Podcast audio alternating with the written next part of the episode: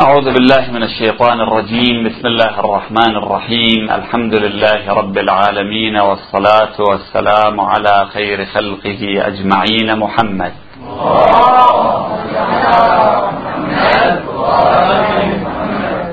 وعلى أهل بيته الطيبين الطاهرين المعصومين المكرمين وبعد. قال الله العظيم في كتابه الكريم ما فرطنا في الكتاب من شيء.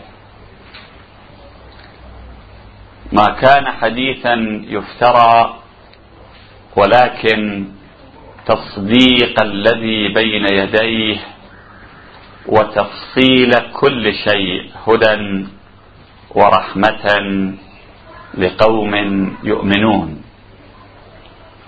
آمنا بالله صدق الله العلي العظيم. هل القرآن فيه كل شيء؟ فيها كل العلوم؟ فيها كل الحوادث؟ فيها كل ما يحتاج إليه الإنسان في حياته بحيث أنه يستغني بالقرآن عن أي كتاب آخر؟ ويستغني بعلوم القرآن عن أي علم آخر من علوم البشر. إذا كان الجواب على ذلك نعم فلم لا نرى؟ في القرآن مثلا الحديث عن الطب وما يحتاج إليه الإنسان في المرض والعلاج ولما كان الناس يقرؤون كتبا في الطب في الهندسة في الفيزياء في الكيمياء وما شابه ذلك. وإن كان الجواب لا ونحن نسمع هذه الآيات الكريمة التي تتحدث بوضوح وبصراحة أن الله ما فرط في الكتاب من شيء. وأن هذا الكتاب فيه تفصيل كل شيء. أساسا كل كتاب إنما يقصد فيما وضع له. أنت ترجع إلى كتب الطب للطب لا للهندسة. ترجع إلى كتاب الفيزياء لمعرفة الفيزياء. لا لمعرفة الطب. ترجع إلى كتاب الرياضيات لتعلم الحساب لا للطب أو الفيزياء. كل كتاب يرجع إليه حسب الهدف والموضوع الذي وضع ذلك الكتاب من أجله. والقرآن أخطأ فيها صنفان. صنف رجعوا إليه في أمور لم يوضع هذا الكتاب من أجله. أرادوا من القرآن أن يكون صيدليا مثلا. كانوا مخطئين. القرآن ليس كتاب الطب وأخطأ صنف آخر ظنوا أن هذا الكتاب بعيد عن حياتهم الحضارية واليومية وحاجاتهم وما أشبه.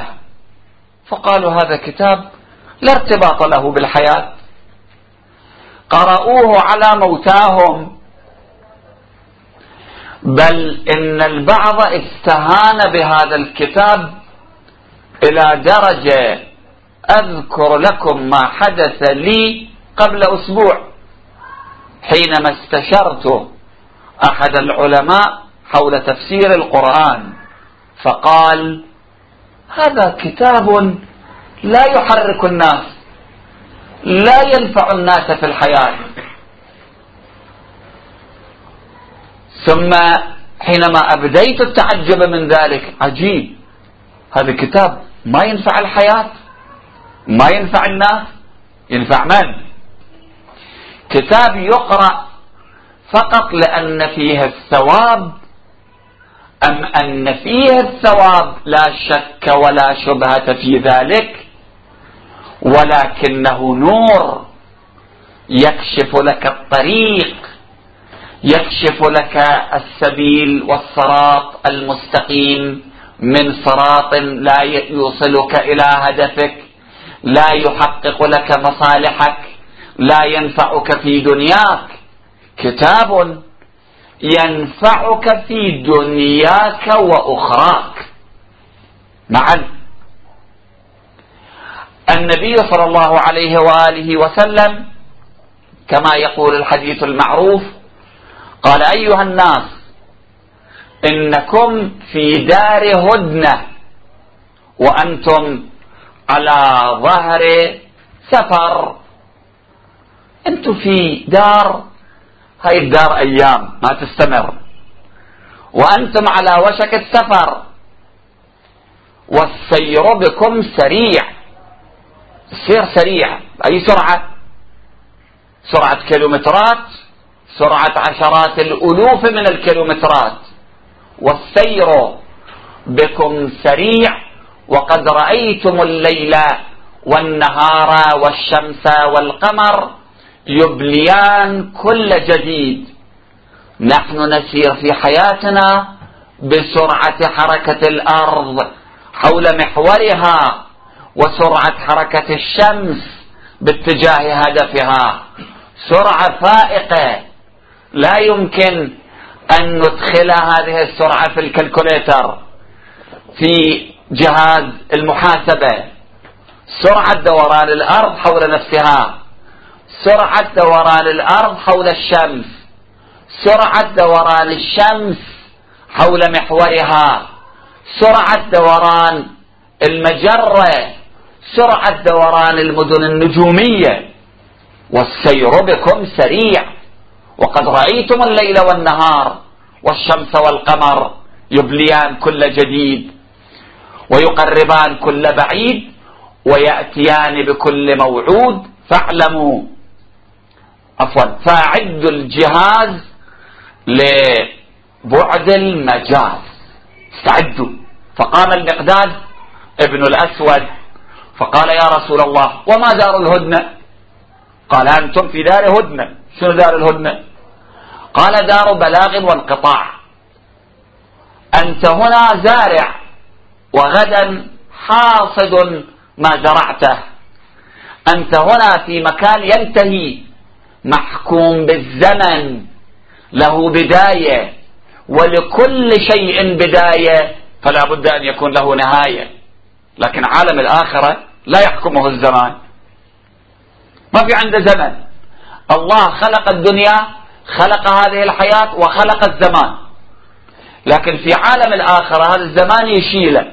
ما في شيء اسمه بداية ونهاية. أبد. لا موت لا انقطاع. لكن الدنيا دار بلاغ. بالدنيا تبلغ الآخرة. من الدنيا تنتهي إلى غيرها. وانقطاع. فإذا التبست عليكم الفتن كقطع الليل المظلم. أنتم في الدنيا. إذا شفتوا الفتن التبست عليكم. مثل قطع من الليل من مثل ظلمات بعضها فوق بعض. لم تكن ترى حتى يدك فعليكم بالقرآن. هذا كتاب حياة. كتاب يصلح لك في الدنيا باعتبار الآخرة. باعتبار أن الدنيا دار مجاز. باعتبار ما ذكرنا في الليلة الماضية أن القرآن كتاب الغايات لا كتاب الأسباب. يبين لك الغاية من وجودك. الغاية من أنك تأكل تشرب تنام تعمل. يمكن هذه الحضارة تعلمنا وتعطينا الأسباب لكن هذه الحضارة ما عندها بأي شكل من الأشكال حديث عن الغاية. لما يجب علينا أن نجمع الثروات؟ ليش؟ لما كان علينا أن نتقدم في الحياة؟ صرنا دولة صناعية ثم ماذا؟ صنعنا طائرات ثم ماذا؟ إلى أين من هنا؟ ما هو ما هي الغاية من وجودك من عملك من أكلك من شربك؟ من كل خطوة صغيرة أو كبيرة في حياتك. النبي صلى الله عليه وآله وسلم يقول فإذا التبست عليكم الفتن كقطع الليل المظلم فعليكم بالقرآن. فإنه شافع مشفع. القرآن شافع. قلنا للقرآن شخصية حقيقية في عالم الحقيقة. شخصية واقعية كما أن الحجر الأسود في ظاهر الأمر حجر في واقع الأمر يمين الله في أرضه فإن للقرآن وجودا حقيقيا شافع. يتشفع للناس.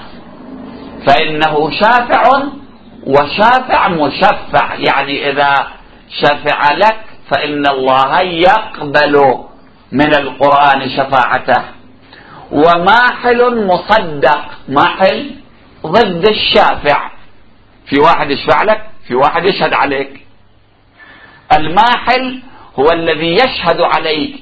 القرآن يشفع لأناس ويشهد على أناس آخرين.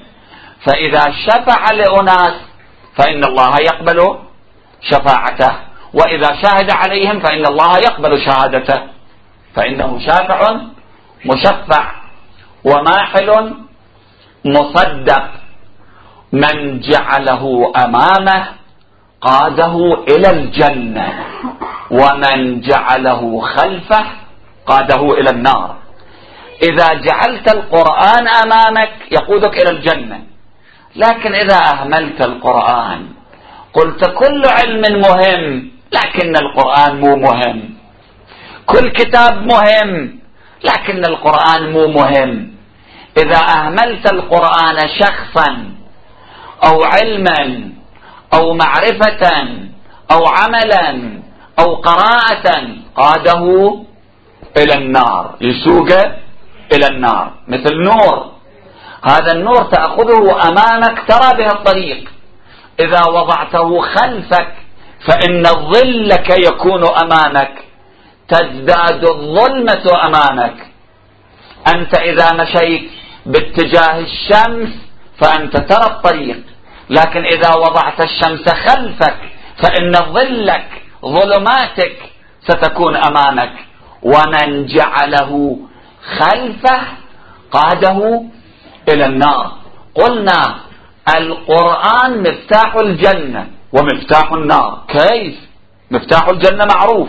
مفتاح النار كيف؟ هذا المطر حينما ينزل على أرض معدة للزراعة تربة صالحة للزراعة فإن الزراعة تنمو. لكن نفس المطر بلطافته هذا الماء الزلال الرقراق الصافي. إذا نزل على أرض سبخة تحول إلى ماء آسن بدل أن يثمر شجرة يثمر بعوض فيقضي على حياة الإنسان. نفس الماء نفس القرآن. بالنسبة إلى بعض الناس سبب هداية وبالنسبة إلى أناس آخرين سبب غواية سبب ضلالة. لأن النفس لأن القلب لأن مقدار الخشوع والخضوع والتقبل في قلب هذا كان ضعيف. فإذا بالآية زادت من حيرته بدل أن تزيد من إيمانه. من جعله أمامه اللي تلمذ عند القرآن. جعل القرآن إماما له. قاده إلى الجنة. ومن جعله خلفه؟ قاده إلى النار. الأول من جعله أمامه قاده إلى الجنة ومن جعله خلفه ساقه إلى النار. دفع دفع باتجاه النار. وهو الدليل القرآن دليل. القرآن وسيلة وهدف. غاية وطريقة وصول إليها. وهو الدليل. يدل على خير سبيل. وهو كتاب الله. فيه تفصيل وبيان وتحصيل. وهو الفضل ليس بالهزل وله ظهر وباطن فظاهره حكم وباطنه علم ظاهره أنيق باطنه عميق. له تخوم أو نجوم بناء على قراءة أخرى للرواية له تخوم وعلى تخومه تخوم أو على نجومه نجوم. لا تحصى عجائبه ولا تبلى غرائبه. فيها مصابيح الهدى ومنار الحكمة ودليل على المعرفة لمن عرف الصفة. من هذا الكلام نعرف أن القرآن فيما وضع له كامل لا حرف فيه ناقص اطلاقا فيما وضع له. مثل ما يقال لك مثلا هذا كتاب كامل في الطب يعني ما تحتاج إلى غيره اطلاقا.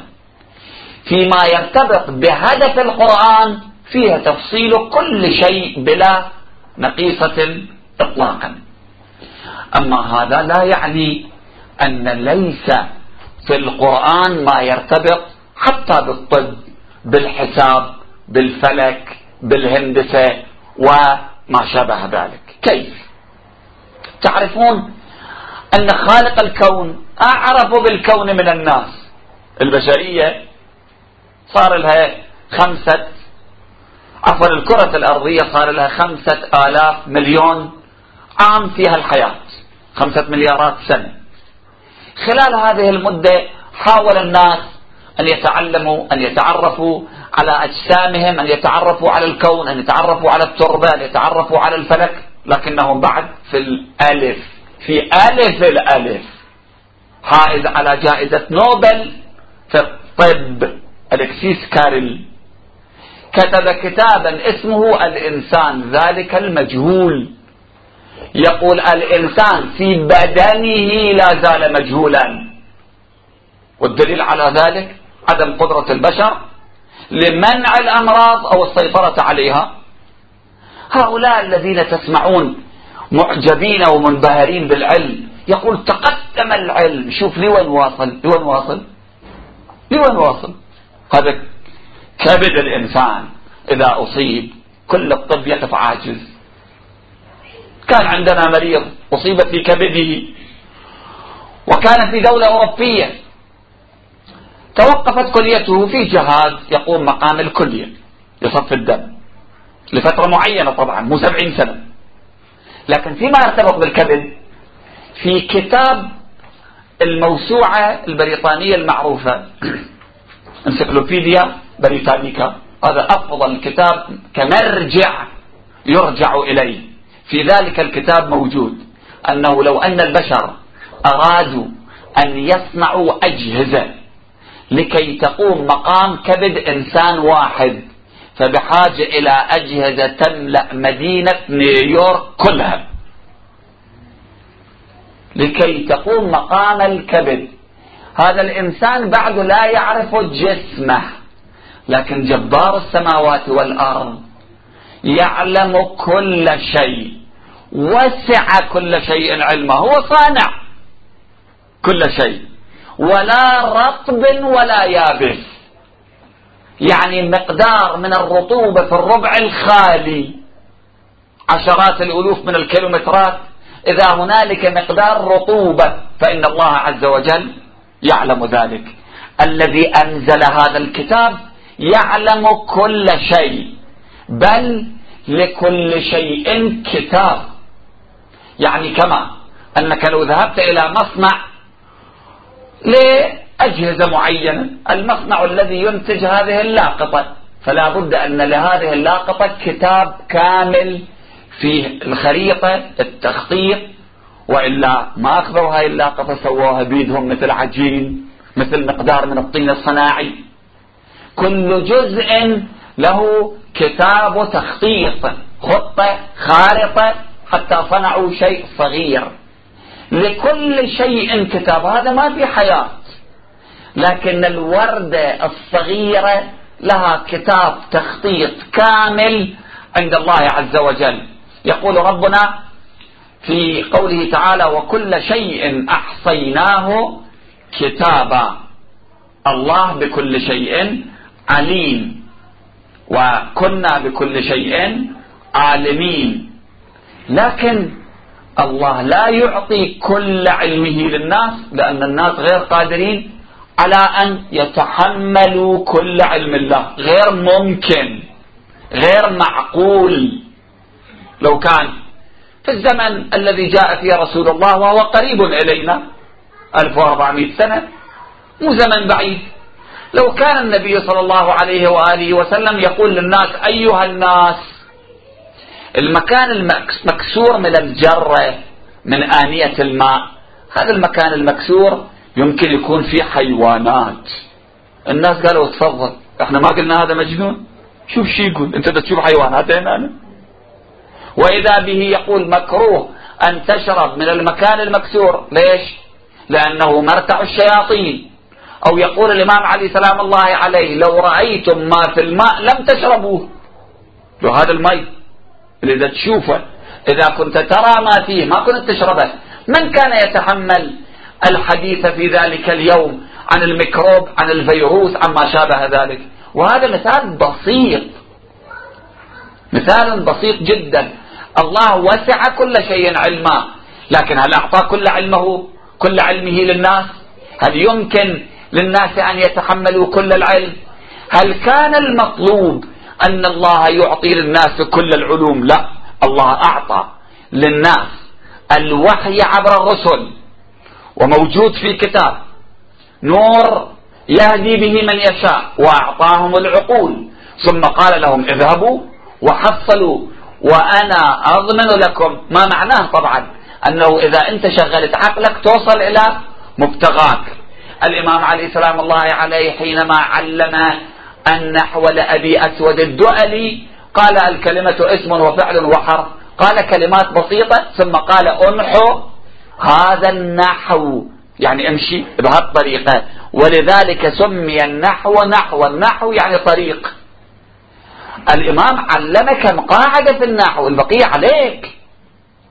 كما أن الله عز وجل لا ينوب عن الناس فيما يرتبط بحياتهم انتصارهم هزيمتهم. اذهب أنت وربك فقاتلا إنها هنا قاعدون. ما يمشي. أنت لازم تروح تقاتل. قاتلوهم يعذبهم الله بأيديكم الله يعذبهم لكن بيدك. الله يعلمك العلم لكن حينما تبذل جهدك تشتغل تروح وراء العلم الله لا ينوب عنك في كل ما يرتبط بحياتك. ولكن لأن الله عز وجل كان يعلم كل شيء لذلك الإشارات التي جاءت في القرآن الكريم جاءت دقيقة جدا ويمكن لكل حرف في القرآن الكريم أن يكون بداية علم كامل. الله أعطاك النور امشي. المشي عليك. النور يعطيك الله عز وجل. وما من شيء يقول الله وما من شيء إلا عندنا خزائنه. وما ننزله إلا بقدر معلوم. الخزائن عند الله. خزائن العلوم عند الله. لكن ما ينزل إلى البشر إلا بمقدار ما يحتاجون إليه. بالنتيجة في طول التاريخ الطب كان موجود عند الناس. في بدايات الطب تعلموا الطب من الأنبياء والرسل. تعلموا العمل في الحديد. اللي هاي الحضارة يسموها حضارة الحديد. حضارة الحديد. لأنه اكتشاف الحديد استخدام الحديد. وألنا له الحديد. وعلمناه صنعة لبوس وإلى آخره. فلأن الله عالم بكل شيء وسع كل شيء علما يوم اللي كان يتحدث مع البشر كان الأمثلة والكلمات التي تأتي لها ارتباط بحياتهم اليومية. إذا في القرآن منطلقات كل العلوم. نعم. كل العلوم التي يحتاج إليها الإنسان ما اكتشفها منها وما لم يكتشف. المنطلقات البدايات الأسس موجودة في القرآن. يمكن أن تقول أن هذا ادعاء. أحد الإخوة بالتعاون مع مجموعة من العلماء حقق في عناوين القرآن. العناوين الأصلية خمسة آلاف عنوان. يتفرع منها عناوين جانبية مئتين وخمسين ألف عنوان. شنو علوم الحضارة كم؟ كل علوم الحضارة كم؟ خمسة آلاف علم ما عندنا. هذا اللي يدرسوه في المدارس وفي الجامعات. هذا هو. أكثر من هذا إحنا ما عندنا علوم. لكن في القرآن خمسة آلاف عنوان ومئتين وخمسين ألف عنوان جانبي. خمسة آلاف عنوان أصلي ومئتين وخمسين ألف عنوان جانبي في القرآن الكريم. حروف القرآن كم؟ وكل حرف له معنى. يمكن أن تقول كل حرف في القرآن له معنى. أقول نعم. الإمام الصادق سلام الله عليه في قضية المسح على الرأس. قال المسح ببعض الرأس يكفي. قيل يا ابن رسول الله ربنا يقول وامسحوا برؤوسكم امسح رأسك. قال لمكان الباء. هاي حرف الباء شنو شغلها يعني ببعض رؤوسكم. استنبط من حرف واحد حكما شرعيا وأكثر من ذلك. في قوله تعالى بسم الله الرحمن الرحيم قاف. قاف حرف من حروف الهجاء. قاف. الإمام الصادق قال قاف جبل محيط بالأرض كإحاطة السوار بالمعصم ولولاه لساخت الأرض بأهلها. وزرقة السماء منه. وين هذا الجبل؟ البشر اليوم؟ يعرف جغرافية الأرض بكل سنتيمتر. وين هذا الجبل؟ ما شفنا. زرقة السماء منه. يحيط بالأرض كإحاطة السوار بالمعصم. كل الأرض مو جانب من عنده وإنما كل الأرض. وزرقة السماء منه. وبعد توازن الأرض وإمكانية العيش على الأرض إنما هو بسبب قاف. وإذا بعد سنوات يأتي الناس ويذهبون إلى الفضاء ويتحدثون عن الغلاف الواقي. وقى يقي ق وقى فعل ماضي. يقي فعل مضارع. ق فعل أمر. قاف. القرآن قال قاف فقط. الإمام قال قاف جبل. من حيث الحجم جبل. كيلومترات واسعة. محيط بالأرض. ما في نقطة من الأرض هذا الجبل لا يحيط بها. كإحاطة السوار بالمعصم لولا الغلاف الواقي ما كانت حياة على وجه الأرض. هاي النيازك اللي تشوفوها إنما هي عبارة عن أحجار تصطدم بالغلاف الواقي فتتحول إلى رماد وعشرات الألوف من من النيازك يوميا متجهة إلى الأرض. لولا لساخت الأرض بأهلها. كانت تنفجر قنابل أقوى من قنابل القنابل الذرية بسبب السرعة مالتها لو كانت تصيب الأرض لو نفترض أن تلا تل من الحصى تل صغير من الحصى كان يتجه إلى الأرض ويضرب الأرض مثل ما حدث بالنسبة إلى كوكب المشتري قبل سنوات أن بعض القطع الموجودة في هذا الكون السحيق ضربت المشتري. فقيل في وقتها أن قوة انفجارها كان يساوي خمسين ألف قنبلة نووية. لولا لولا الغلاف الواقي لساخت الأرض بأهلها. وزرقة السماء منه لولا الغلاف الواقي أنت لم تكن ترى. لم يكن النور قد انعكس. هذا حرف في القرآن. والإمام الصادق شرحه هو موجود في الكتب القديمة. قبل أن يعرف الإنسان قضية الغلاف الواقي وما أشبه ذلك. اليوم من الأحاديث المعروفة الحديث اللي متداول والعالم يتحدث عن حول قضية الاستنساخ. هل يمكن؟ هل يجوز؟ هل ينفع؟ هل يضر؟ نسمح به؟ لا نسمح به؟ استنساخ. القرآن الكريم يقول إنا كنا نستنسخ ما كانوا يعملون. كل عمل تؤديه نسخة كاملة من عند موجود في عالم الآخرة. ووجدوا ما, ووجدوا ما عملوا حاضرا. أنت لا ترى نتائج أعمالك يوم القيامة ترى أعمالك. لكن يمكن هذا الكلام في يوم من الأيام كان عجيب. يعني ممكن إنا كنا نستنسخ ما كانوا يعملون. أنا لا أقول هذه الآية أكيد لها ربط بالإستنساخ لكن ما في شك حسب الروايات التي بأيدينا لو أن أحدا مثلا كذب فإن ريحة النتنة تخرج من فمه وتتأذى الملائكة منه. وين؟ ممكن نستعمل أحدث العطور ويوم اللي يتكلم أنت تشم رائحة طيبة لكن يوم اللي يكذب في ذلك العالم كذبته شيء آخر. إن الذين يأكلون أموال اليتامى ظلما إنما يأكلون في بطونهم نارا. هذا يأكل تفاح يأكل برتقال بمال اليتيم ماذا يأكل نار؟ رب العالمين يقول نار. هذه التفاحة النار لكن في حاجز أمامه يمنعه من أن يحس بالنار ويشعر بها. المهم نحن نجد مثلا في علم الحساب. الحساب أهم شيء في الحساب الجمع الضرب التفريق. والتقسيم. في القرآن موجود. ربنا عز وجل يتحدث في القرآن قائلا لتعلموا عدد السنين والحساب. وكل شيء فصلناه تفصيلا. في الحساب جمع القرآن يقول يقولون خمسة.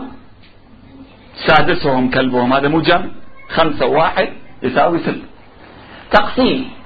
آية الإرث وله أخ أو أخت فلكل واحد منهما السدس. ضرب في يوم كان مقداره كألف سنة مما تعدون. التنقيس فلبث فيهم ألف سنة إلا خمسين عاما. كان يمكن أن يقول الله عز وجل فلبث فيهم تسعمية وخمسين سنة. ما في شيء. لكن يريد أن يعلم ولذلك المسلمون عرفوا أن القرآن كتاب يتحدث عن الغايات لكن أيضا يرتبط بحياتهم اليومية. انطلقوا من القرآن وصنعوا ما صنعوا وتقدموا وتعلموا. في القرآن حديث عن اللحظة عن الخطف. اختطاف عن الحركة عن السرعة. حديث عن الساعة. حديث عن اليوم حديث عن الليل حديث عن الشهر حديث عن السنة حديث عن العصر حديث عن القرن حديث عن القرون. لمن كان هذا الكتاب؟ لأناس لا يعرفون شيء. حينما فتح المسلمون إيران الإمبراطورية الإيرانية فارسية يعني بعد وفاة رسول الله صلى الله عليه وآله وسلم بسنوات أحدهم حصل على سجادة ثمينة. هاي السجادة طلع برا. واحد من اللي يعرف قيمة السجادة من أهل تلك المنطقة قال له هل تبيعني هذه السجادة؟ قال نعم. قال بكم قال له بألف قال اشتريتها. اشترى واحد. شافه واحد ثاني. قال له ويلك؟ هاي سجادة ثمينة قال والله لو كنت أعلم عددا أكثر من ألف لقلته له. ما أعرف أكو أكثر من ألف. رب العالمين يقول ألف سنة. رب العالمين يقول مائة ألف. المائة خلي قدامه. يعني كانوا متخلفين إلى هذه الدرجة. لكن القرآن في آياته طبعا الآية مو كتاب حساب. القرآن مو كتاب حساب. القرآن ليس كتاب فلك. لكن بطبيعة أن هذا الكتاب يتحدث عن الإنسان وارتباطه وواجباته وأحكامه وغاياته أحاديثه أمثلته ضمنها تجي قمر شمس والشمس وضحاها والقمر إذا تلاها. منو كان يشوف أن القمر يتلو الشمس؟ وين؟ في ظاهر الأمر القمر لا يتلو الشمس. القمر يطلع في الليل يوم اللي الشمس ما موجودة من نشوفها يعني. الشمس تشرق عند الضحى ولا يمكن أن ترى القمر في الضحى. لكن يقول والقمر إذا تلاها. طبعا ليس الحديث عن الفلك. الحديث أن الله يحلف بالشمس ويحلف بالقمر ويربط عباداتنا بالفلك. عباداتنا يربطها بالفلك. الصيام تصومه إذا رأيت الهلال. اللي ربط بالهلال. الهلال اللي ربط بينا. الهلال له ارتباط بالمد والجزر في البحر وأنت شيء.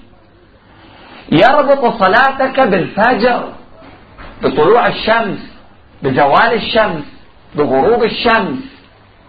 لا لأن هذا الكتاب كتاب فلك لكن لأن هذا الكتاب كتاب الله خالق الكون. أنت عبد لله والقمر عبد لله أنت عبد لله والشمس عبد لله أنت عبد لله والبحار عبيدة لله. إحنا كلنا وحدة متكاملة من العبيد. مجموعة من العبيد والمخلوقين والمخلوقات. ورب العالمين ربط بعضنا ببعض في هذه الحياة.